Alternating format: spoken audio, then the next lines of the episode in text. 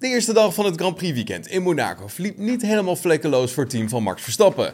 Verstappen was nog lang niet tevreden met de afstelling van zijn RB19 en dook al snel de pitbox in, omdat hij zelf erover aangaf dat hij bang was dat de auto zou gaan uitbreken met de huidige afstelling.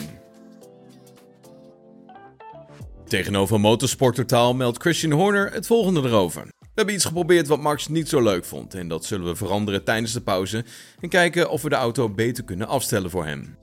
En de muren staan dichtbij in Monaco en daar kwam Lance Stroll ook achter, want hij toucheerde de muur en meldde dat aan zijn team. Uiteindelijk had het geen gevolgen voor de rest van de training. Dat was wel het geval voor Nico Hulkenberg. De Duitser stuurde na het uitkomen van de tunnel te vroeg in en reed daardoor tegen de vangrails aan. Albon was met nog drie minuten te gaan degene die voor een vroegtijdig einde van de sessie zorgde. Albon knalde tegen de muur bij bocht 1 en daardoor werd de rode vlag gezwaaid en werd de sessie niet meer hervat. Sainz klokte tijdens de eerste sessie de snelste tijd, Alonso daarachter en Hamilton op P3. Tijdens de tweede vrije training was het nog duidelijker dat de Formule 1 zelf de regie in handen heeft genomen. Eerder was het namelijk zo dat de lokale regisseurs daar het voor het zeggen hadden in Monaco. Maar nu doet de Formule 1 het dus zelf en dat was dus echt te zien. Want ja, het zag er namelijk allemaal een stuk sneller uit en een stuk beter dan voorgaande jaren.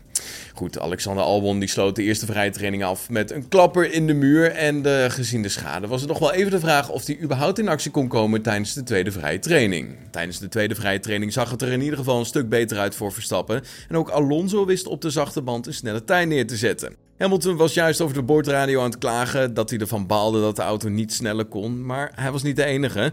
Ook Charles Leclerc had problemen in bocht 5. Carlos Sainz zorgde met nog zo'n ongeveer 17 minuten op de klok voor de eerste rode vlaggen situatie.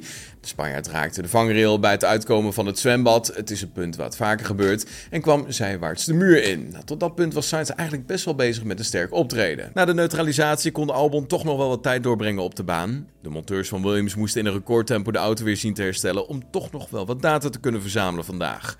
Verstappen sloot uiteindelijk de tweede vrije training af op P1 met een 1.12.4. Leclerc op P2 en Carlos Sainz, ondanks zijn crash, sluit de top 3 af.